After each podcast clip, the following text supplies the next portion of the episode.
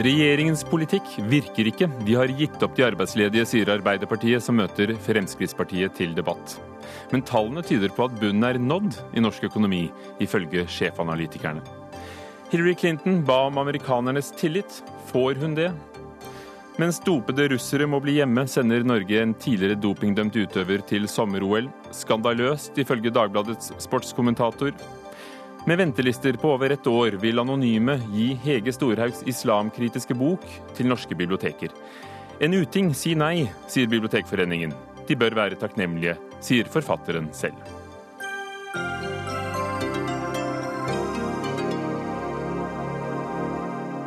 Og de to møtes her i Dagsnytt 18, hvor vi også spør en pater hva paven mener når han sier at vi er i krig. Velkommen, Ugo Fermarello i studio i dag. I dag kom ferske tall fra Nav som viser at arbeidsledigheten på Sør-Vestlandet øker kraftig i forhold til i fjor. I Rogaland økte arbeidsledigheten med 34% I Stavanger har arbeidsledigheten økt med 41% siden i fjor. Torstein Fett Solberg på Stortinget for Arbeiderpartiet. Du mener regjeringen gjør for lite for å motvirke nettopp dette, arbeidsledighet. Hvordan? Nei, Tendensen som både Nav og SSB viser, er jo veldig alvorlig. Det at krisen nå får lov til å bite seg fast, samtidig som vi ser at langtidsledigheten øker, ungdomsledigheten øker. Det skapes færre jobber, syns jeg viser at regjeringens politikk ikke, ikke, virker i det hele tatt. Og først og fremst er jo dette en krise for, for folk, lokalsamfunn. Kjenner mange av de sjøl som nå går eh, arbeidsledige, og som ikke får det tilbudet, den, eh, det blir møtt på den måten som en, eh, som en skal. Som for du er jo nettopp fra Rogaland, ja. og du brukte ordet krise, men tall for hele landet viser fra Nav at ledigheten har gått ned med 500 i juli. Altså går det vel rett vei? Nei, Vi syns ikke det går rett vei. Nå ser vi den høyeste ledigheten i Norge nå på over 20 år. Den får bite seg fast. Nav-tallene viser bare ørsmå 200 færre enn sist måned. SSB-statistikken, som har en bedre helhet, viser tusenvis av flere. Og for de som er arbeidsledige, så er ikke regjeringens innsats god nok. En klarer ikke å snu tendensen. Regjeringens politikk virker ikke. Vi trenger rett og slett mer Arbeiderparti partipolitikk. Og I den politikken lå det en tiltakspakke på 900 millioner kroner eh, som kom i våres til flere tiltak nettopp på Sør-Vestlandet. Helge André Njåstad, leder i kommunalkomiteen på Stortinget for eh, Frp. Virker det ikke? Jo visst virker det. og Det siste landet trenger er jo mer arbeiderpartipolitikk som betyr eh, en skattesmell på toppen av oljesmell. Det er det siste vi trenger, at bedriftseierne på Vestlandet så Eh, ansette folk og som skaper verdier, skal måtte betale eh, enda mer i skatt og avgifter som de må med Arbeiderpartiet. Så eh, regjeringens politikk virker. og Vi bruker penger på å sette i, i, sette, skape flere arbeidsplasser, både innenfor offentlig sektor, Vegvesenet vedlikeholder mer, skaper arbeidsplasser. Kommunene har fått ekstra penger. Men det aller viktigste er jo at vi legger til rette for næringslivet, sånn at de kan skape de langsiktige, gode arbeidsplassene som vi skal leve av i fremtiden. Men nå brukte jo Arbeiderpartiet her uttrykket 'biter seg fast'. og Disse tallene viser jo at ledigheten i disse to områdene er stadig høye. Jo, og det skulle bare mangle eh, at det er en utfordring når eh, oljeprisen er halvert, at de som har vært veldig oljeavhengige, har utfordringer. Og Det er jo nettopp derfor regjeringen var målretta med at, at, midlene vi stilte til rådighet, skulle gå til Sør- og Vestlandet, der eh, ledigheten er størst. Og Det er derfor vi brukte pengene i revidert, til store protester fra mange andre landsdeler som mente at de òg burde få. Så har vi valgt å målrette. Eh, og Hadde ikke regjeringen vært så offensiv og brukt penger At Arbeiderpartiet sier det er for lite for seint, har vi hørt så mange ganger. Men hadde ikke regjeringen eh, brukt så mye penger som man gjorde i, i revidert og i statsbudsjettet, så hadde tallene vært enda verre. Eh, og Hadde Arbeiderpartiet styrt og økt skattene, så hadde det vært uholdbart for å drive næringsliv på Vestlandet. Så hvilken Arbeiderpartipolitikk er det du mener det burde vært mer av? det vi må gjøre nå, er jo det vi vet virker, det vi vet kan snu denne tendensen. Sette opp oljeprisen? Ja, Det som Njåstad sier nå, er jo helt feil. For hadde det, vært denne, hadde det vært denne omstillingen som regjeringen snakker så varmt om, så hadde statistikken vist at det ble skapt flere jobber. Og statistikkene vi får i dag, viser at det blir ikke skapt flere nye jobber. Det eneste som skjer, er at flere er uten jobb, flere er arbeidsledige. Og Da er det alarmerende at Fremskrittspartiet, som sitter og styrer, som har ansvaret, er fornøyd med den innsatsen de gjør. Vi mener det må kraftigere lut til. Vi mener Hva er denne luten? Vi må gjøre mer for å hjelpe de som blir arbeidsledige. Det er lettere å komme eh, i utdanning, f.eks.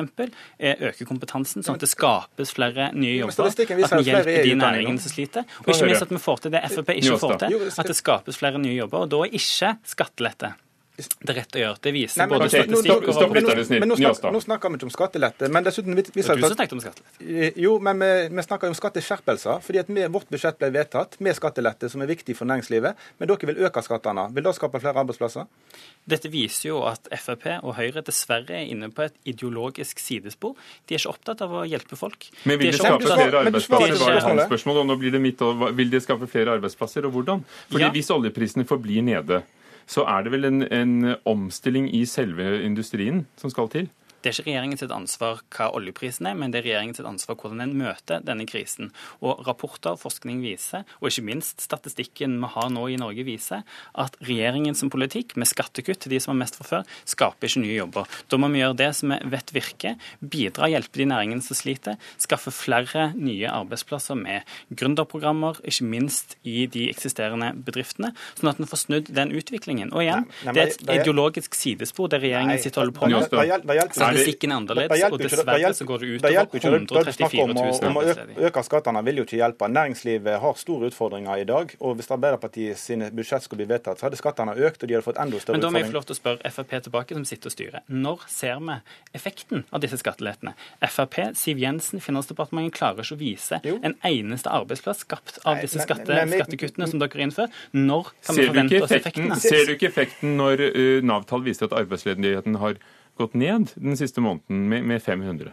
Det er 200 færre som er arbeidsledige på Men Navs når du- statistikk. hvis du tar For med hele landet. Og det betyr at det går Ja, jeg, bra jeg, jeg, mange er like, steder. jeg er like interessert i å høre hva Frp svarer på det. De som sitter og styrer, det er de som har eh, ansvar for disse tingene. Når ser vi at det skapes flere arbeidsplasser? For statistikken i dag viser det blir ikke skapt flere arbeidsplasser. Jo, det blir skapt masse flere arbeidsplasser både i offentlig sektor og i privat sektor. Eh, Og Vi som er fra Vestlandet vet jo hvor viktig det er med lokalt eierskap. Å Og har eh, bedriftseiere som har et generasjonsperspektiv. Eh, Deres politikk vil tilføre enda flere skatter for dem, vil gjøre det vanskeligere å være lokal eier. Dette er alarmerende. Eh, eh, SSB-statistikken få få høre ferdig svaret. Nei, Det er jo klart at lokale eiere vil tenke i et annet perspektiv. Dere vil gjøre det mer lønnsomt å ha utenlandske eiere. Vi vil ha de lokale eierne som er opptatt av å skape lokalsamfunn og skape verdier på Vestlandet. Dere har en direkte fiendtlig politikk overfor eh, bedriftseiere på Vestlandet. Og det er skattepolitikken du tenker på der? Ja, det er spesielt skattepolitikken. Eh, Det siste bedriftene trenger når vi besøker bedrifter, er mer Arbeiderpartipolitikk. Eh, Og at man skal snakke om tiltaksplasser og disse tingene er småtteri i forhold til den skattepolitikken, den skattesmell de vil sende til norske bedrifter. Vi har et annet spørsmål også. fordi disse Tallene fra Statistisk sentralbyrå som kom i dag, viser også at eh, det er 19 000 flere midlertidig ansatte i forhold til samme periode i fjor. 8,8% er midlertidig ansatte, i fjor var det 8% Er det et godt eller dårlig tegn? Eh, Jeg synes det er et godt tegn, eh, fordi at målet for oss alle er at folk skal ha faste jobber. Eh, Men i den situasjonen næringslivet nå står i, så tror jeg at mange tar sjansen på å ansette noen midlertidig. Så kan det bli permanent senere. Hadde vi hatt det gamle regelverket, så hadde man kanskje valgt å ikke ansette i det hele tatt. Så For å nå målet med flest mulig som har trygge, gode jobber, så det, var det nødvendig å endre arbeidsmiljøloven på de feltene vi gjorde. Så For oss er det et godt tegn. Godt eller dårlig tegn? Dette syns jeg er et dårlig tegn, spesielt når vi samtidig ser at sysselsettingen faller. Jeg syns det er alarmerende at Fremskrittspartiet ikke kjenner den statistikken bedre. 16 000 færre i arbeid nå enn bare for et år siden. For å rydde på forvirringen, Statistisk sentralbyrå har noen tall som viser en liten økning. Nav har noen andre tall som viser en liten tilbakegang. Men sysselsettingen, den bakenforliggende sysselsettingen, som er det viktigste, den har dessverre falt med 16 000. Men eh, det viktigste her er jo òg at, eh, som, som saken i dag viser, er jo at ungdom vil ha fast jobb. Det er en usikker tid med økende eh, arbeidsledighet, med eh, vanskelig boligmarked. Da vil unge ha fast jobb, og da er det vår jobb som politikere Men en midlertidig jobb er vel bedre enn ingen jobb? Vår jobb som politikere er, å- er å gi de som vil jobbe, en skikkelig jobb. Jeg vil òg at de som har en god jobb, skal kunne få et boliglån, sånn at de skal eh, ha eh, muligheter i, i fremtiden. Dessverre er ikke Frp og men ser- regjeringen ser med på det. Kort replikk til deg, og så er det du- over. Men ser ikke du òg at eh, veien til fast arbeid kan være gjennom en midlertidig i den situasjonen næringslivet står i? Alternativet er ikke å ansette de fast. eh, Alternativet er ikke å ansette de i det hele tatt. Ni av ti sier de vil ha en god, trygg jobb. Da er vår jobb som politikere å. Skape de nye arbeidsplassene, Men- men- ikke disse ideologiske virker- blindsporene Nei, som Høyre og Hvor skapes de arbeidsplassene? Arbeiderpartiets politikk virker dessverre ikke på dette feltet heller. Den Takk skal dere ha. Begge to. Helge André Njåstad fra Fremskrittspartiet og Torstein Tvedt Solberg fra Arbeiderpartiet. Vi rydder plass til økonomene.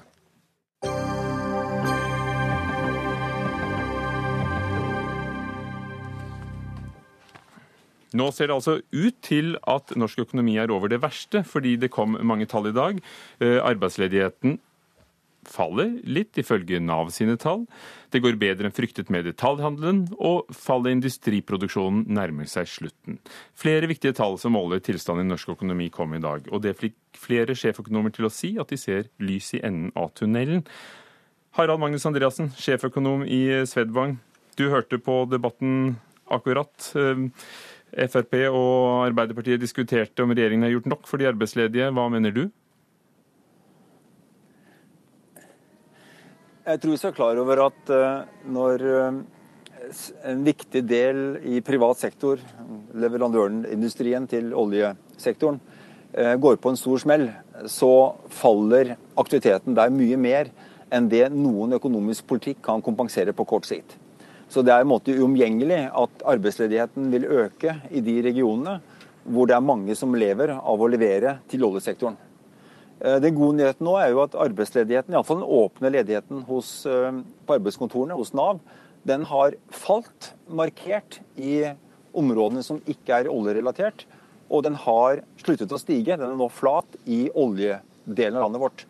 Så vi kan iallfall si at økonomien ser ut til å finne feste. Og jeg tror egentlig ikke at uavhengig av hvilken politikk vi har prøvd å føre de foregående par årene, kunne unngått den økningen i samlet ledighet som vi nå har, har lagt bak oss. Erik Bruse, sjefanalytiker i Nordea. Hva fikk du ut av debatten vi hørte før? Nei, det, For meg er det krangel om småpenger og litt om hvordan man skal bruke pengene hovedinnretningen på finanspolitikken i Norge, hvor mye man skulle stimulert gitt det som skjedde med norsk økonomi, altså denne nedgangen i oljenæringen, den tror jeg ville vært veldig lik om vi hadde hatt en rød-grønn regjering eller med den regjeringen vi har nå. Det, det, hørtes ikke sånn ut på dem som satt her? Nei, eh, men det er politikkens eh, natur. Man må krangle litt om, om ting. Men ser du på utviklingen i finanspolitikken, altså innretningen, så ser du at den den dreier seg om hvordan situasjonen er i norsk økonomi. Er det stramt? Går det bra i privat sektor, så bruker man mindre penger. Går det dårlig, så bruker man mer penger. Og Grunnen til det er at vi har et bra og sterkt byråkrati i Norge som gir gode råd om hvordan politikken skal være. Og enda viktigere, vi har gode politikere i Norge, uavhengig av farge, som hører på de rådene vi får. Hvis du hadde hørt satt eh, Kristin Halvorsen, hun, hun, hvilken retorikk hun brukte om den økonomiske politikken når hun var finansminister, opp på Siv Jensen, så ville jeg hørt at det er veldig likt. Det er ansvarlighet og fornuftighet å gjennomføre en samlet pengebruk som er godt tilpasset økonomien. Harald Magnus Andreassen i, i, i, Swedbank, men det er jo reelle forskjeller også i, i, skattepolitikken og ønsket for skattepolitikken. Eh, mener du at det ville spilt en rolle hvem som satt ved roret? Jeg er enig med Erik i at eh, konsekvensene for økonomien, for sysselsettingen, på kort sikt ikke vært særlig stor om det ene eller andre økonomiske opplegget har vært fulgt. Tilførselen av penger ville vært, som Erik sier, omtrent den samme. Og vi har økt pengebruken i offentlig sektor, men tross alt beskjedent i forhold til det store fallet som vi har sett i oljesektoren. Og det tror jeg er vanskelig å kompensere fullt ut med politiske tiltak fra ett år til neste år. Men fortell oss, eh, Så jeg tror ikke vi skal overvurdere ja. Hvorfor ser du lyset i enden av tunnelen? Ja, Det er flere grunner til. Det ene er at tallene indikerer at det ikke går så galt lenger. Selv om jeg er enig i representanten fra Arbeiderpartiet som påpeker at sysselsettingstallene er svake. Nå er det en utvalgsundersøkelse som er ganske ustabil og svinger mye. Så hvis vi ser på andre indikatorer fra eh, arbeidsmarkedet, og sysselsettingen, skatteinngang f.eks., så tyder det ikke på at det er fullt så svakt som AKU sier. Men ser vi på andre ting, så ser vi at nedgangen i industrien eh, dempes. Jeg fikk et konjunkturbarometer fra det i dag, og andre barometere viser samme. Eh, vi ser at eh, handelen ikke er bra, men det blir ikke dårligere. Vi ser at boligmarkedet går bra, nær sagt for bra. Gjeldsveksten til husholdningene er over det den kan være på lang sikt. Eh, så det er ikke lett å og Arbeidsledigheten som sagt faller klart nå i regionene utenom det mest oljeintensive, og den flater ut der.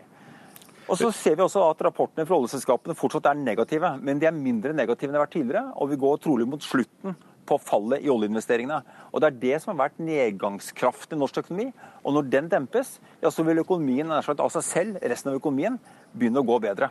Erik jeg tror vi kanskje ja, det... har passert bunnpunktet allerede. Ja, her, her er jeg helt enig med Harald Magnus. Det, det som har rammet norsk økonomi, det er en kraftig nedgang i alt som er oljerelatert. Eh, sysselsetter kanskje 10-15% av norske befolkning. Hardt rammet. I resten av økonomien har det gått helt greit. Nå ser det ut som den oljebremsen den, Det er fortsatt brems, men den er mindre. Oljeinvesteringen kommer til å falle mindre, melder oljeselskapene om. Og når det da fortsatt går bra i resten av økonomien, så, så er det god grunn til å tro at eh, det samlet kommer til å gå bedre i norsk økonomi framover. Men bør alle, alle, de som har mistet jobben i oljesektoren vente på lysere tider der, eller se som etter helt andre ting å gjøre? Eh, jeg tror at en av grunnene til at arbeidsledigheten har økt, er at vi har det er næringsmessig og geografisk blitt hardt rammet de områdene som, som er eh, oljerelaterte. Der, de jobbene kommer ikke tilbake, og de folkene de bruker en god del lengre tid på å finne jobb. Kanskje må de flytte. Eh, og det, er en prosess som tar tid. og Derfor så er arbeidsledigheten fortsatt ganske høy, og kommer nok til å bli ganske høy. Men mange må belage seg på å finne jobber i andre næringer og andre steder. Akkurat som flyttestrømmen var stor til Stavanger-regionen under oljeboomen, så må vi regne med at eh, flyttestrømmen nå går den andre veien. Og hva gjør det, Andreassen, med boligprisene f.eks.? Ja, Det har jo vært en bemerkelsesverdig utvikling de siste par årene. Hvor boligprisene på Sør-Vestlandet, særlig Stavanger og Sandnes, har falt en god del. Og så har de steget kraftig, eh, særlig i Oslo-området. Og den relative forskjellen, jeg tror det er nesten en 40 forskjell, relativ forskjell på, det, på ganske kort tid. Eh, og det er nok ikke over riktig ennå. Eh, og det er klart at det er jo da ikke lett for mange som skal eventuelt selge bolig i Stavanger. Men vil det stige alle andre steder, da, hvis, de, hvis folk skal flytte mot andre byer? Ja, det, det er jo i og for seg en, en sånn at, at oljenedturen på Sør-Vest har påvirket prisene der, og at vi nå ser en klar Vi ser allerede en utflytting fra Rogaland og innflytting til, til Akershus og litt til Oslo. Og det påvirker nok eh, prisene noe. Men det kan være andre forhold også. Eh, som, som, påvirker prisene. Og det er klart at når vi har et svært lavt rentenivå, og når arbeidsledigheten ja, den er høyere enn den var på bunnen, men ennå ikke er spesielt høy, så er det normalt kutt i boligmarkedet, og det har vi sett så langt. Noe som betyr mye for, for, folk med bolig og, og, for næringslivet, er jo renten. Den er rekordlav, eh, en halv prosent. Og inntil, inntil nå trodde alle at, at, den skulle eh, settes ytterligere ned i eh, september av Norges Bank. Hva, hva tror du nå, Erik Bruse? Jeg blir mer i tvil. Eh, absolutt. Norges Bank trodde at arbeidsledigheten skulle øke videre, at vi ikke var helt på bunnen. Eh, i norsk økonomi. Eh, men tallene tyder på at eh, det går bedre enn de ventet, og det gjør at det er litt mer usikkerhet om det rentekuttet. Om det spiller noen stor rolle for, de fleste, det, er jeg usikker på. Nå Rentene er ekstremt lave, og jeg er usikker på om bankene ville overført hele det rentekuttet til, til forbrukerne. Men, men, det er helt klart mer usikkert om, om det rente, siste rentekuttet. Hvis dere kan gi meg to veldig korte svar, rett hver, så har jeg et spørsmål på tampen. Opposisjonen og regjeringen har lenge kranglet opp om det har vært krise eller ikke krise i norsk økonomi. Erik Bruse, har det vært krise? Nei, det har ikke vært krise i norsk økonomi. Det har vært skapt masse jobber utenom oljerelaterte områder. Det har vært krise i, eh, i de oljerelaterte områdene. I Stavanger er det, en, er det nok en slags krise. Andreassen? Helt enig med Erik, jeg. Ja. Takk skal dere ha. Harald Magnus Andreassen, sjeføkonom i Swedbank, og Erik Bruse, sjefanalytiker i Nordea. Dagsnytt 18 alle hverdager kl 18.00 på NRK P2 og NRK2.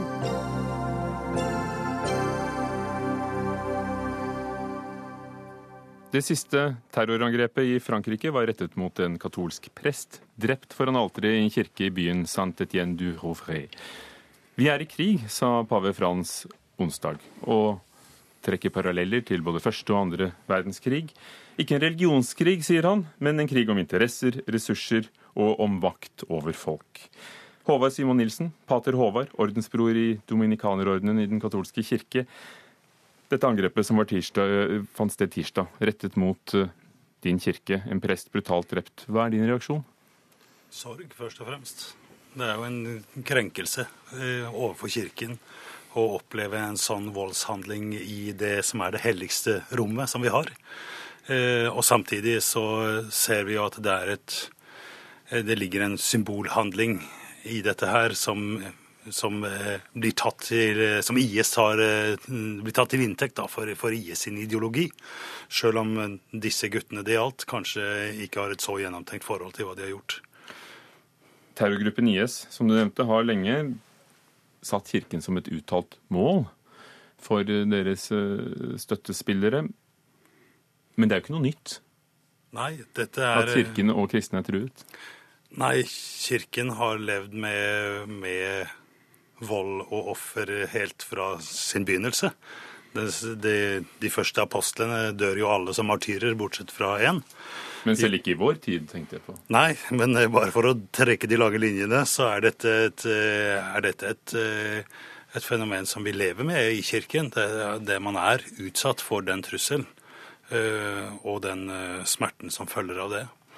Så spørsmålet vårt blir jo hvordan vi håndterer den smerten. Og hvordan gjør dere det? Ja, jeg, jeg tror at vi i en Som kristne så går vi jo ikke ut med vold. Vi, jo, vi følger jo vår fredsfyrste, som Kristus er.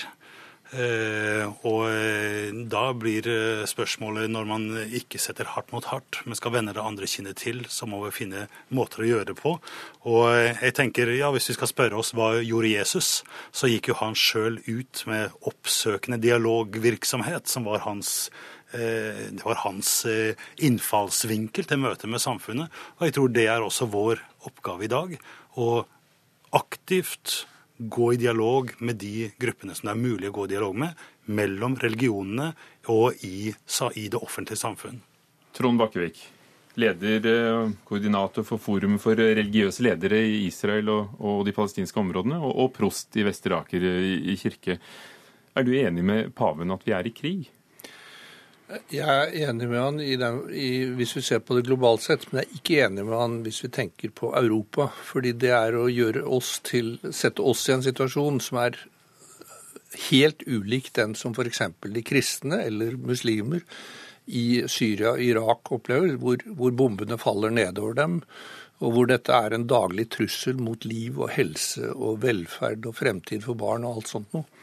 Det er vi ikke. Den situasjonen er ikke vi, og vi skal ikke, vi skal ikke prøve å sammenligne oss engang med den situasjonen. Men den katolske kirke, og for så vidt andre kirker, lever jo også i Irak og i Syria og, og opplever krigen. Og, og, Derfor kommer det nærmere oss, og så kommer det nærmere oss når, når da sånt skjer som foran alteret i denne kirken i Frankrike. Og jeg tenker jo med en gang på de som har, har gått foran. Altså en Oscar Romero som ble skutt idet han løftet alterkalken i El Salvador. En Thomas Becker som ble myrdet foran alteret i Canterbury.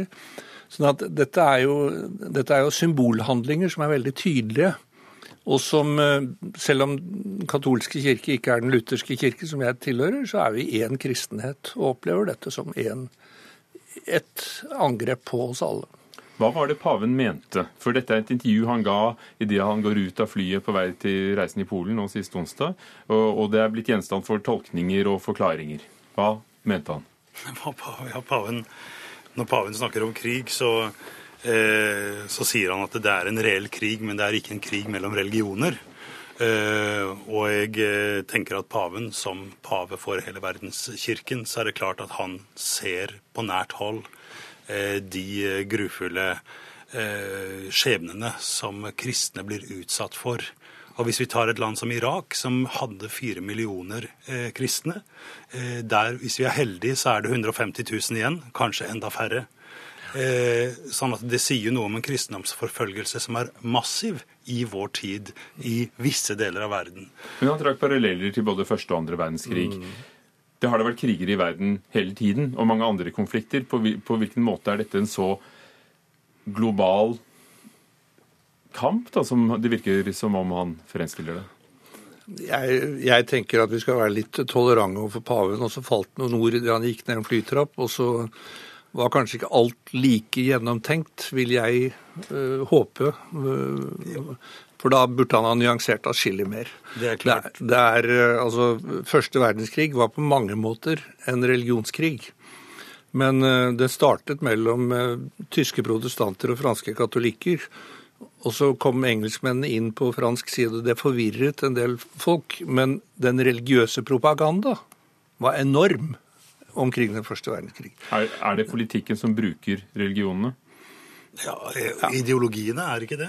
Jo, jeg tenker at, at det er politikken i stor grad bruker ideologiene. Når det gjelder når det gjelder kjernen i IS, så tenker jeg nok at den, den er nok genuint religiøst fundert. Pater Håvard. Ja, når det er sagt, så tenker jeg også at når paven snakker om krig, så står han jo i en kirke som alltid er krigende. Eklesia militia, ikke sant? som alltid står i en strid. En strid mot det onde. En strid mot det ondes manifestasjoner i form av eh, dekonstruksjon og vold, eh, mord, isolasjon, alt det som river ned et godt samfunn mellom mennesker. Så paven har også en åndelig dimensjon i sitt uh, aspekt av å bruke ordet krig. Og har jo en enorm påvirkningskraft når vi ser hvordan disse ordene nå går verden rundt. Ja. Trond Bakkevik, du jobber jo mye i skjæringspunktet mellom politikk og religion. Mm. Og enten du møter religiøse ledere i Israel, eller da du var rådgiver for utenriksministre som, som eh, Stoltenberg de snakker jo ikke samme språk, religionen og, og politikerne. Nei, det gjør ikke det. og Samtidig ser vi at eh, det er både politikere og religiøse ledere som bruker hverandres språk. Jeg var nylig i Irak, i, eh, i eh, de kurdiske områdene, og hadde møte med religiøse ledere fra hele Irak. Og de, de, opplevde jo at religion ble brukt, men de opplevde også at religiøse ledere bruker vold med religiøs begrunnelse. og det er ikke, altså, Dette glir over i hverandre. Vi, vi i Vesten har en tendens til å liksom ville skjelne helt tydelig mellom religion og politikk. Men, Men hjelper det å snakke med religiøse ledere all den stund folk tar, tar, tar religion til inntekt for sin politikk? Ja, det hjelper alltid at religiøse ledere snakker sammen, fordi, fordi da må de se hverandre i øynene. Hvis de er genuine religiøse ledere, så er de fundamentert i en tro på at det er Gud som har skapt mennesket. Dette er menneskelig fellesgods. Derfor kan de snakke sammen. Og så må de høre på hverandre. Og, og det hjelper. Og så tenker jeg, det er ikke sånn Altså, religiøse ledere har påvirkningskraft. Hva de sier, er viktig i veldig mange samfunn. Og når de sier ord som at vi er i krig, som paven gjorde nå, så er ikke jeg helt sikker på at det var helt heldig. Men uh, det er en god pave på mange måter. Men du, skal... du, ser det billedlig? jeg, jeg, ser det jo konkret også. Det er jo altså At han mener at det er et, en, et, en krig, krigføring mot det onde. Det er klart at han gjør. Uh, og så må man jo se på hva han, hva han motiverte dette med. Det er ikke en krig mellom religioner, men det er en krig som er motivert i andre ting enn det religiøse. Det handler om, uh, som det ble sitert, penger, interesser Eh, naturressurser og kanskje ikke minst eh, innflytelse og makt over folk. Er du redd når du står foran alteret etter det som skjedde i Frankrike tirsdag? Nei, jeg er ikke redd, men det, jeg vet at det, det, også kan skje meg. Takk skal dere ha. Hove Simon Nilsen, pater Håvard i Dominikanerordenen, og Trond Bakkevik, prost i Vestre Aker.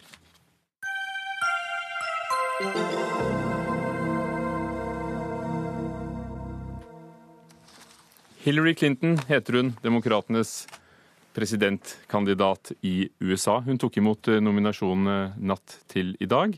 Hun snakket om eh, sin mor og far og landets grunnleggere og sin egen lange CV som politiker, og fridde til Bernie Sanders-tilhengerne, erkerivalen tidligere, og middelklasse med minstelønn og gratis utdanning, lovet hun også. Og hun snakket om Donald Trump. Now, Donald Trump Donald Trump says, and this is a quote I know more about ISIS than the generals do. No, Donald, you don't. Nei, Donald, du vet ikke mer om IS enn våre generaler. Tove Bjørgaas, USA-korrespondent på plass i Philadelphia på Demokratenes partikongress. Hvordan ble talen mottatt?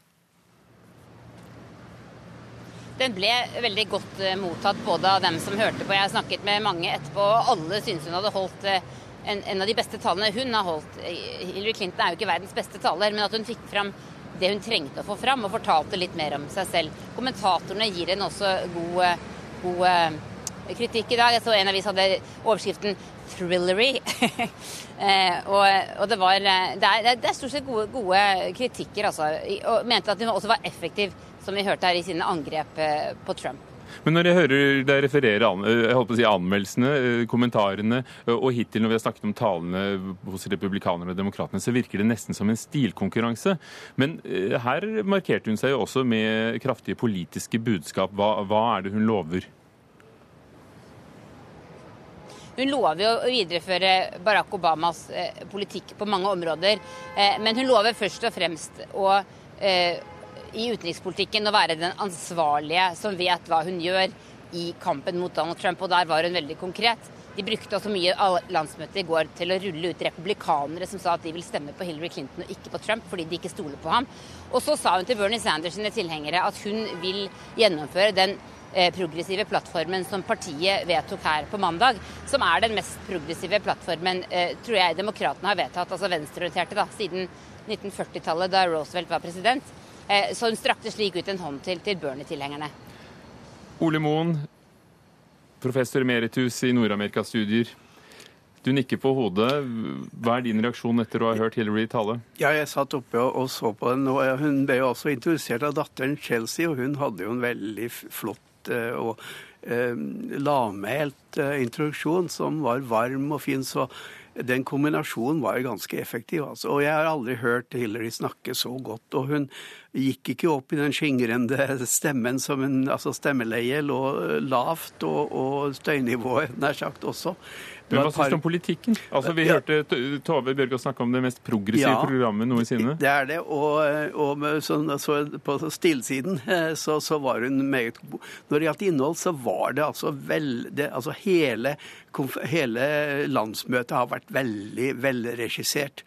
Og det har vært tatt opp nye tema hver dag, og det er tungvektige som har vært på banen. Så hun hadde litt av en oppgave å gå inn i, men hun hadde et veldig eh, fullstendig innlegg, kan jeg si. Og hun tok for seg også eh, Hun er jo kjent for å legge opp lister med hva hun skal gjøre. Hun sa jeg liker å snakke om mine planer. Og hun sa jo til å begynne med eh, at når det gjaldt planene, at hun skulle få gjennom en, en, en finanspakke, en sattingspakke som var størst etter annen verdenskrig. Og det betyr jo at hun må ha hjelp av Kongressen, selvfølgelig, men også ellers da på, på utdanningsfronten, sammen med Bernie Sanders, som hun sa.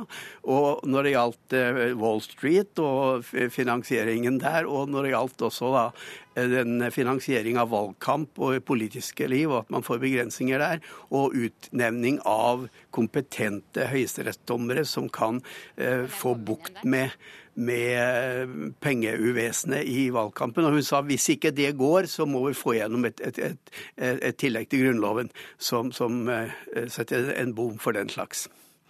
Tove, ja, nei, Det var også en veldig optimistisk tone i denne valgkampen, det, nei, denne talen. Det var kanskje det aller viktigste. Mm. Hun, hun la fram en positiv visjon for USA, eh, som står i sterk kontrast til den negative visjonen Donald Trump, den fryktvisjonen han la fram forrige fredag. Eh, og, og, hun spilte da også til republikanerne når hun snakket om Ronald Reagan. Mange har sagt her i dag at dette landsmøtet det har minnet mest av alt om Ronald Reagans landsmøte i 1980, da, da han snakket om 'Morning in America' og ville ha en optimistisk visjon for landet. At, at, at det er nå, selv om at de altså går mot venstre i mange deler av politikken, demokratene, så er det altså denne de, de prøver å ta Trump ved å, ved å være optimister. Vårin Alme, du er skribent på nettsiden amerikanskpolitikk.no. Hvordan vil du oppsummere uken for demokratene? Eh, generelt så har det vært et, eh, en positiv tone som har blitt sagt her, gjennom hele landsmøtet. Og det har vært en, en voldsom kraft for å samle partiet etter en splittende nominasjonskamp. Har hun lyktes? Eh, ja, Den første dagen så, så det jo ikke sånn ut, i og med at man da fikk disse lekkede e-postene fra Det demokratiske partiets ledelse, som resulterte i voldsomme protester fra Bernie-supportere. Men etter Michelle Obamas tale bl.a., og Bernie Sanders' tale selv den første dagen, så roet det seg, og etter det så har det vært eh, en veldig positiv tone fra, fra, scenen og veldig mye positiv respons fra, fra salen, virker det i hvert fall som her hjemme i Norge. Så, så, hva slags valgkamp tror du vi kan se foran, foran oss eh, frem mot valget i november? Basert på det landsmøtet Demokratene nå har holdt, der hvor tonen har vært mye altså det å samle ikke bare demokrater, men også uavhengige velgere, moderate republikanere. Og, og øh, vektlegge veldig dette her med at uh, Trumps øh, argumenter og forslag er uamerikanske. Hillary baserte seg jo veldig mye på dette at han har sagt at han alene kan fikse landets problemer. Og hun satte da sitt budskap om 'stronger together' og 'it takes a village' opp mot det, og sa at det er uamerikansk å argumentere for at du kun trenger én mann, man må jobbe sammen. Så basert på det så kommer hun til å fortsette å prøve å fri til både uavhengige velgere og moderate republikanere. og Hun har jo da fått ganske stort spillerom basert på at han er en ukonvensjonell republikansk kandidat. Ole Moen, det er jo en pussighet dette at folk trekker paralleller til Reagan. De frir til republikanerne som, som, ikke orker tanken på Trump. Eh, og så var patriotisme en viktig ingrediens. Altså en tidligere general, krigsveteraner mm. og, og, en av Reagans egne taleskrivere mm. holdt, eh, holdt eh, tale. Snodig? Ja, en firestjerners general med et snes av veteraner holdt et meget mektig innlegg og sa at det er helt uaktuelt å ha en, en så uegnet kandidat som Trump. Er det for, for, å spise inn på republikanernes eh, mentale områder her? Ja, altså det er klart at det, det ble ledig fordi at, eh, som Obama uttrykte det eh, en dag før, at, at Trump er utenfor egentlig det republikanske partiet. Han er outsider, outsider, i det hele tatt. Så det ble ledig terreng, og det har de brukt veldig bra, altså. Og framsto som de patriotiske. Og nå er det mange, mange ganske ihuga eh, høyrevridde kommentatorer som sier dere har tatt poengene våre, dere har tatt partiet vårt. Eh, så de, de, var veldig imponert over det. Men en interessant ting er jo at disse her venstre på venstresiden som har sagt de kommer ikke til å stemme på Hillary. Det er jo stort sett en gruppe i California som har fremdeles sagt at de kommer til å gjøre det. Og der kan man tåle det i valgkampen, for de har så stor margin å gå på.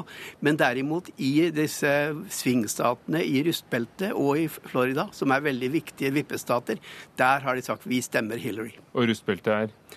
Ja, det er det store, gamle industribeltet sør for de store sjøene. Som er litt rustet nå i industrien. Yes. Uh, Tove Bjørgaas, uh, meningsmålingene pleier å gjøre et hopp etter landsmøtet. Hvordan har det gått denne gangen? Akkurat nå, altså, Vi har ikke fått noen virkelige målinger ennå, men det kom målinger rett etter talen i går som viste at 75% av de spurte CNN hadde snakket med, syntes at hun gjorde en veldig god jobb. Og, og også at, altså, at favorability, altså at i hvert fall 3-4 prosentpoeng flere liker henne enn før. Men hun er jo fortsatt en upopulær presidentkandidat historisk sett.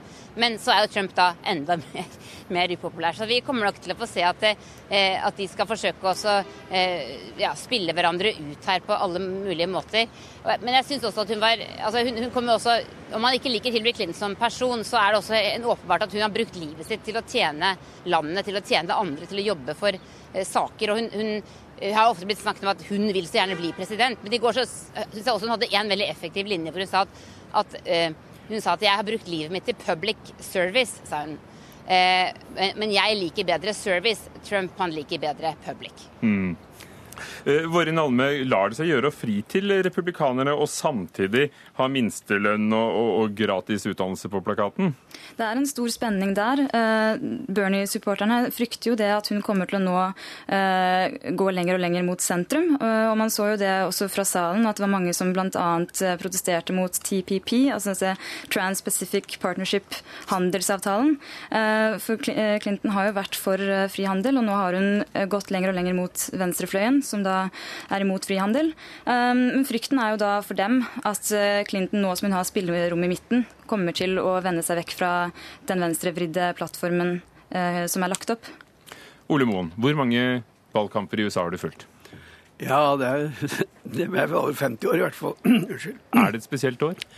Ja, det er det. Det er det. Det har aldri vært Det er så atypisk, altså, i og med at Trump har fått eh, nominasjonen. I, og hele valgkampen har vært så skal vi si ufjelg, for å bruke et godt norsk uttrykk. Eh, altså Tidligere grenser for hva som er etikette i politikken, har vært sprengt hele veien. Så det har vært en veldig spesiell sak. Og nå som det ble sagt i går, så, så, så er det faktisk bare én kandidat som, som er mentalt eh, forberedt på dette her. Eh, det er og, din mening, men det er mange amerikanere nei, som mener det motsatte. Kan referere... det være sånn at Donald Trump vinner valget? Ja, det skal alle se bort fra, men det jeg refererer til, det er jo det som ble sagt av bl.a. militære eh, ledere og andre, som sa at eh, det er, det er En brukte jo så sterkt uttrykk, en, en general, at det ville være katastrofalt om Trump er valgt. Og det er sterk kost, altså. Takk skal dere ha, alle sammen. 9.11 er det valg i USA. 8.11 faktisk, med 9. får vi i hvert fall resultat. Ole Moen, professor emeritus i Nord-Amerikas-studier. Tove Bjørgaas, vår egen korrespondent på plass på Demokratenes partikongress. Og Våren Alme, skribent på amerikanskpolitikk.no. Hør Dagsnytt 18 når du vil. Radio NRK Radio.nrk.no.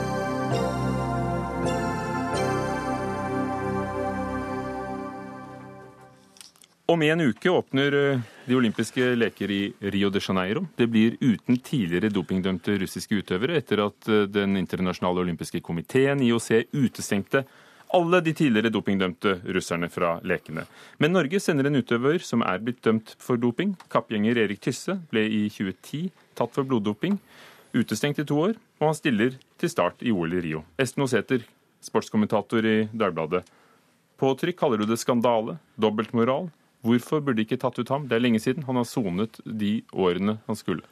Ja, eh, dette er jo en lang historie. Han, dette er andre gang han blir eh, tatt ut. Du var like kritisk i 2012 til lekene i London? Det var jeg. Eh, og grunnen til det var at da ble han hastesendt. Vi sørget for et, et stevne i tolvte time og hjalp han, og vi hjalp han under soning.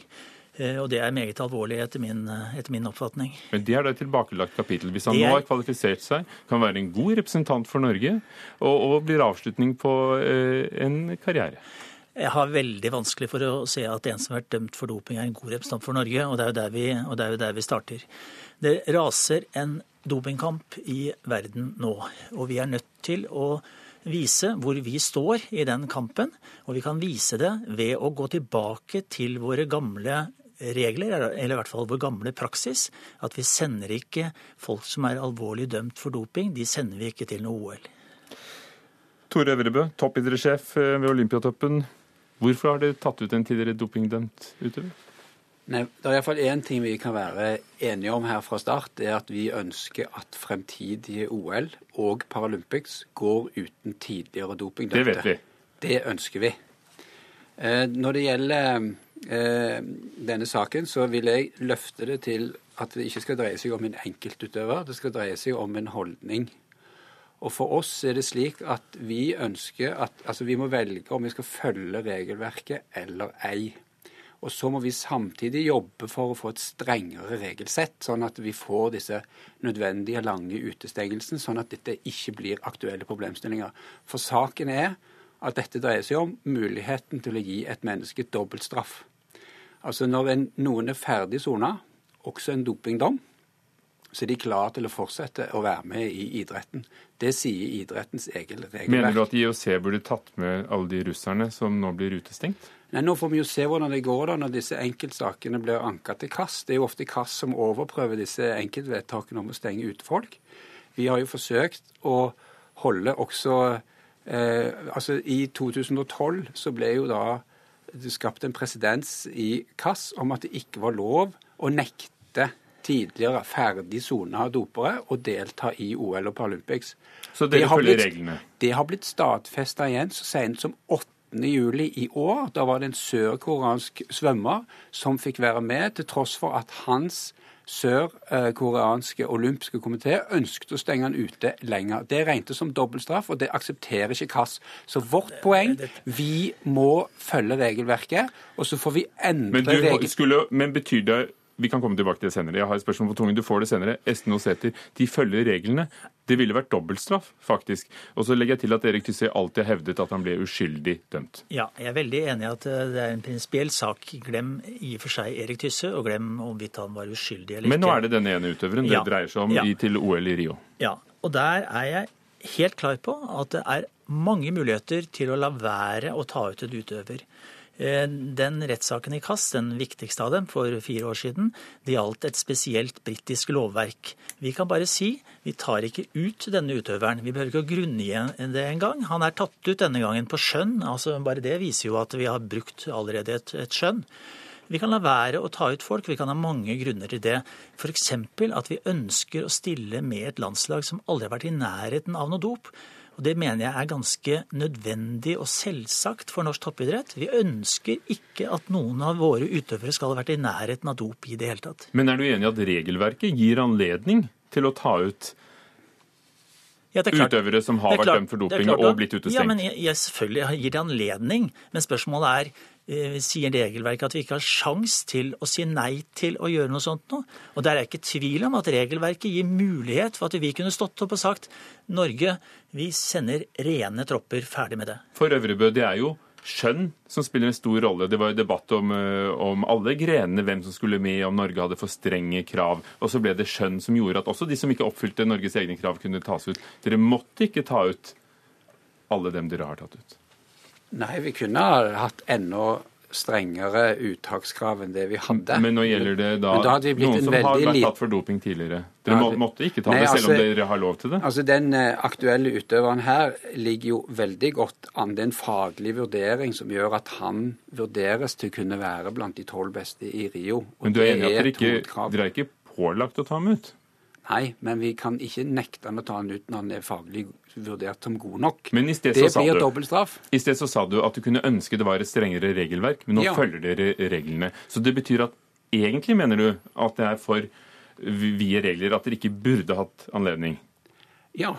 Vi burde ikke hatt anledning til å tatt ut Eller vi burde ikke måtte Altså, poenget er jo at i KASS Du sa jo du ikke måtte. Ja, vent nå. I KASS er det sånn at der er det ikke lov med dobbeltstraff. Vi må jo få så lange straffer, så lange utestengelser, at vi ikke trenger å dobbeltstraffe det. Altså Hvis du har åtte år, så gir jo de fleste opp. Den, denne aktuelle utdanningen her ble stengt ute for to år. I etterkant, i, sist det var en eh, kongress i WADA, så jobba Norge, Norges idrettsforbund og Antidoping Norge knallhardt for å få økt strafferammen. Det som salen gikk med på, det var å gå fra to til fire år. Neste gang blir det kanskje seks, kanskje åtte år. Og da okay. vil denne muligheten men, men, for utøvere å komme tilbake bli mye, mye mindre.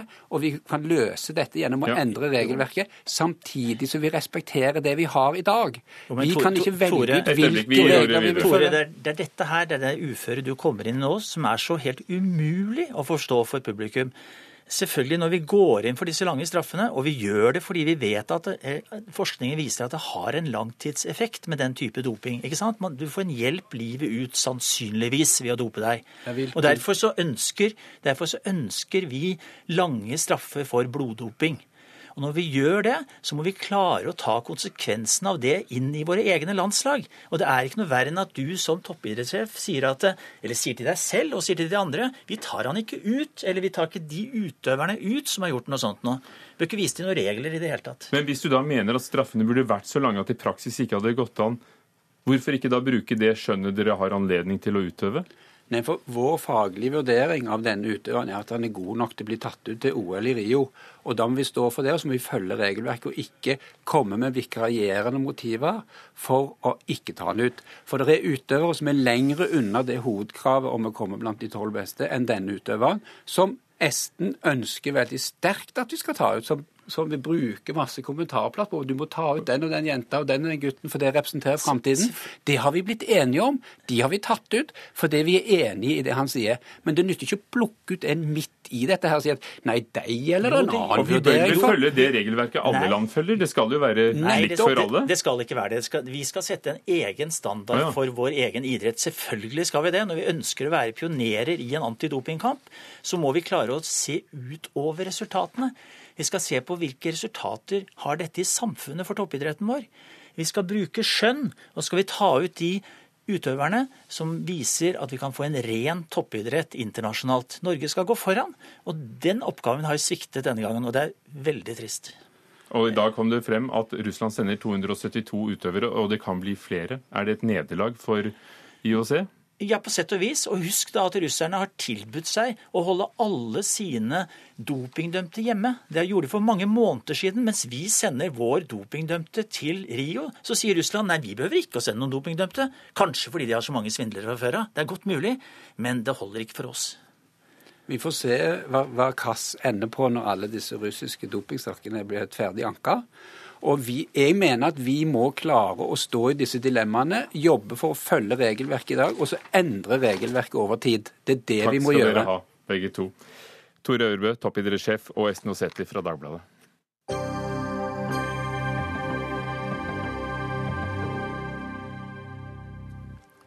Norske bibliotek, som får tilsendt Hege Storhaugs bok 'Islam den ellevte landeplage' i gave fra private givere, bør takke nei, mener Norsk bibliotekforening. En gruppe anonyme næringslivsfolk har kjøpt inn 1000 eksemplarer av boken, ifølge Finansavisen. Og Sylvi Listhaugs statssekretær vil gi ti bøker til biblioteket i sin hjemby Harstad, skriver Vårt Land. Giverne ønsker alle å spre kunnskap, sier de, og kutte ned på ventelistene, slik at flere kan få lest Storhaugs bok. Mariann Skeide, du leder Norsk bibliotekforening. Er det en ganske uvanlig situasjon? Ja, det er en veldig uvanlig situasjon. Eh, Vi er ikke, det er ikke uvant for oss å få gave, for det blir vi stadig tilbudt. og håper skulle si, gjør med dem hva vi vil. Men det er veldig uvanlig for oss å få gave i denne størrelsesorden. Det kan ikke huske jeg har opplevd før. Hvorfor sier du at man skal takke nei? Eh, Fordi, som jeg sa, på, på, på grunn av det store omfanget. Vi snakker om eh, 1000 bøker her. Vi har eh, vel 400 kommuner. Alle bibliotek har en kommune, så det er ganske mange det er snakk om. Eh, er det ville blitt hvis en innkjøpsordning hadde distribuert en bok. Eh, ja, denne her eh, boka ble jo for seint påmeldt innkjøpsordninga, så det kunne jo godt ha skjedd. Men det er noe annet. Når vi har en gruppe næringslivsledere som i tillegg er anonyme, da blir det eh, problematisk. fordi det virker jo som om den skal promotere et bestemt politisk syn. Og da mister vi på en måte vår redaksjonelle frihet, og det er et problem. Men handler det om denne boken, eller handler det om alle bøker? Nei, det handler ikke om denne boka. Det handler om alle bøker. Men det er selvsagt forskjell på faglitteratur og skjønnlitteratur. Men akkurat den boka her, eh, den bør alle bibliotek ha. Det er en viktig bok. Det er en viktig bok i samfunnsdebatten, og de aller fleste bibliotek har kjøpt henne inn allerede. Men da er det biblioteken, eh, sin redaksjonelle frihet som har gjort at boka har blitt kjøpt inn. Hegge Storhaug, forfatter av denne boken, 'Islam den ellevte landeplage', utgiver også, og, eh, og informasjonsleder i Human Rights Services, som vi kjenner deg fra. Bibliotekene vil være takknemlige, sier du. Ja, jeg tenker jo sånn at når det eh, Bare for å ta en saksopplysning først. Eh, disse støttespillerne, deres motiv er veldig enkelt. De fikk høre at det var lange ventelister på bibliotekene. Og de ønska å medvirke til å korte ned den ventetiden. Og det er kun én bok til hvert folkebibliotek i Norge, som det er 433 av. Og så skal den ut til videregående skoles bibliotek, det er 470. Og så er det universitetsbibliotekene, det er 46. Så det er ikke snakk om å pøse tusener av bøker inn i bibliotekene eh, til folket. Det er den ene ting. Men den andre ting som jeg syns er veldig viktig å få fram her. Denne boka er allerede antatt av bibliotekene. Den er godkjent. sant? Og når ventelistene er så store, og jeg ser jo f.eks. fra Bergen så det, sies det jo nå at de er veldig glad for de ønsker seg flere enn ett eksemplar av den. Og jeg skrev denne boka til folket. Den har ikke et spesielt politisk ståsted. Så jeg vil gjerne utfordre Mariann Skeide. Hvilket politiske ståsted er det Landeplagen har? Eh, Det står bakerst på boka di som forlaget har skrevet, så står det også at det er ei kontroversiell bok som er eh, et, en, viktig bok i en samfunnsdebatt. Om men Da kaller det politisk ståsted, et viktig historisk ståsted, et religiøst ståsted. Men det er ei bok som blir sett på som kontroversiell, og da kaller vi den ei politisk bok. Men uansett så hørte vi jo at det handler ikke om hvilken bok det er, det handler om at bibliotekene selv skal få bestemme. Eh, Ja, De kan bestemme den dag i dag. Når de får boka i posten eller ved, via bibliotekstransport, så kan de jo bare velge å kaste den i søppelkurven, men det tviler jeg på at de kommer til å gjøre. Jeg Og snakket vil- med jeg, Ja. jeg tar ordet. Ja. Jeg snakket med Harstad bibliotek i dag. De Ja. har ikke fått noe tilbud om bøker, selv om det er blitt lovet. Men, Ja. men hun vil takke nei. Ikke Ja. til boken, men til å motta den på den måten gratis. For å beholde skal vi kalle redaktøransvaret. Leikny Haga Indergård, biblioteksjef i Bergen. Du ser ingen prinsipiell forskjell på å få gratis bøker og det å kjøpe dem selv, sier du til Klassekampen. Eh, Så du vil takke ja? Eh, det vil jeg. Eh, men prinsipielt må jeg si at det er bibliotekene selv som bestemmer hvilke bøker som skal stå på bokhyllene våre. Vi skal ikke la oss styre av private gaver, og det skal heller ikke gå an å kjøpe seg plass i bibliotekhyllene. Men er det ikke det de gjør når, eh, når denne gruppen anonyme næringslivsfolk sender dem ut? Eh, nei, altså vi tar imot denne boka, og for all del, Hege Storhaug sin bok den er vurdert av de ansatte på biblioteket og funnet aktuell og interessant, og vi har lange ventelister. Så dermed kan vi gjerne si ja til flere eksemplarer. På betingelsen er jo at vi skal stå fritt til å disponere de bøkene vi måtte få i gave. Og da ser jeg ikke noe problem med å si ja. Hvor mange har du på venteliste? Jeg har eh, 76 på ventelista. Og i Oslo er det 17 måneders ventetid, ifølge Deichmanske på nettsidene deres. Mariann Skeide, de ville jo tatt den inn uansett. Eh, er ikke, hva er prinsippforskjellen? De beholder ansvaret.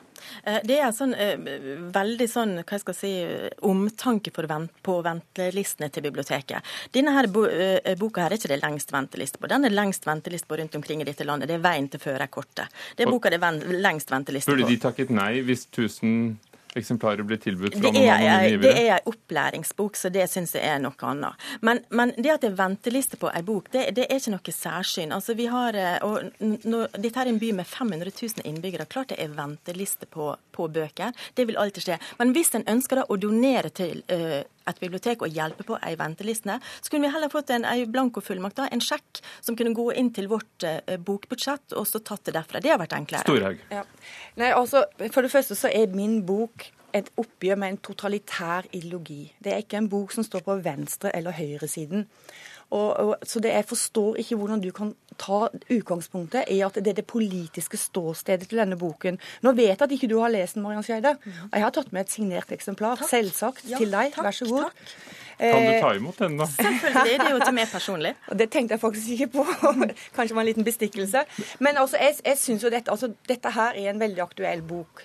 Altså, Islam er det, det temaet som kommer til antagelig dominere samfunnsdebatten vår i mange år. Og, og Det er nå... derfor du har skrevet det ut hit. Men ja. du skriver jo også på din Facebook-side, og jeg bare tar frem papiret for å få det riktig her, at man kan, jo ikke, man kan jo enkelt forestille seg min reaksjon hvis bøker signert Islamnett og deres like fikk pen hylleplass i landets biblioteker etter at en saudisk forretningsmann hadde kjøpt dem opp og distribuert dem. Ja, og der synes jeg... Altså forstår du jo argumentasjonen. Ja, men jeg var litt korttenkt. Eh, det, altså For det første, da snakker vi om en fremmed makt. Eh, som, vet, ja. Ja, som, prøver da eventuelt, Det var jo eksempelet gikk på. Som da prøver å kjøpe seg inn i norske bibliotek. Det blir noe annet. Dette er en bok som er antatt av bibliotekene allerede. Og ventelistene er lange, folket vil lese. og da er Men det... hvis det var de samme etterspørselen etter en bok fra Islamnett, om det var en fremmed makt eller en anonym næringslivsgruppe. Vi vet jo ikke hvem det er. Nei, altså for å si det sånn, Jeg leser jo eh, hva Islamnett publiserer, f.eks. Det er jo en del av jobben min i, i, forhold til å følge med på utviklingen av islam. Men det er klart det at, og, og i bibliotekene vil du jo finne Koranen, du vil finne Mein Kampf, du vil finne masse politisk litteratur. Denne her er et oppgjør med en totalitær ideologi. Leikny Haga Indegård, biblioteksjef i, i Bergen. Hva gjorde at dere ville ha den, og at du nå vil ha flere? Eh, vi ville ha den fordi at den, eh, altså den kom ut, den var aktuell, veldig interessant. Og vi kjøpte gjennom flere omganger så har vi kjøpt totalt 19 eksemplarer. Og vi ser at nå er ventelistene så lange at vi bør skaffe oss flere. For Men det at det er anonyme givere, og at, hvordan forholder du deg til det? Eh, de anonyme giverne, Det hender at vi får anonyme gaver, og vi vurderer de på lik linje med gaver der vi får eh, Vi vet hvem det er som er overbringeren. Eh, jeg ser på det som det Hege Storhaug og forlaget som står bak denne boka. Mer enn den mellomleddet, kan du si. Mm. Kan og, og si forlaget noe? er deg selv, ikke sant? nei, det er et selvpubliseringsforlag. Men da kan du selv, da går du, Så du er selv redaktør? Ja. ja. jeg vil bare skyte inn én ting. Jeg forstår kritikken, Marianne Skeide har også fremført den, på at det er anonyme støttespillere som har gjort dette. Men det er jo med å understreke mitt hovedpoeng i boka, nemlig at ytringsfriheten er på retur. Disse menneskene de frykter for familiens altså sikkerhet altså ikke... og næringslivsforbindelser. Og det, det de er jo et alvorlig tegn i vår tid. Ja. Jeg syns det er mindre viktig dette her at det er anonyme givere. Det er faktisk ikke så interessant. Om det, dette har vært næringslivsledere som sto frem i full offentlighet, har ikke gjort dette her noe annerledes for oss. Det er det at en gruppe går sammen som har et prosjekt som ønsker å komme inn med sine synspunkt, for dem syns det er ei viktig bok. Det, det, det rokker ved vår sjølråderett, og det er det som er det alvorlige her. Om de er anonyme eller ikke. Men det er fordi den er politisk, hadde det vært veien til førerkortet? Så hadde det vært noe helt annet, for det er opplæringsbok. Det Jeg må lukke kapitlet for i dag i Dagsnytt 18. Takk skal dere ha, Mariann Skeide fra Norsk bibliotekforening, Hege Storhaug fra Human Rights Service og forfatter, og Leikny Hage Indegård, biblioteksjef i Bergen. Gjermund Jappé var ansvarlig for sendingen. Erik Sandbråten teknisk ansvarlig. Hugo Fermariello programleder. Takk for i dag.